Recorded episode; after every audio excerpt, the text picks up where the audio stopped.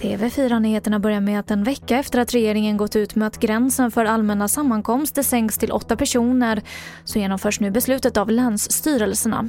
För att undvika förvirring så ska reglerna vara de samma över hela landet. Restauranger och kaféer undantas fortsatt från åtta personers gränsen vilket även gäller för begravningar. Förskolan bör vara obligatorisk från fem års ålder.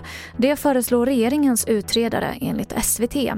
De föreslår också att kommunerna ska bedriva uppsökande verksamhet, direktinskrivning av barn som behöver förskola för att få bättre svenska.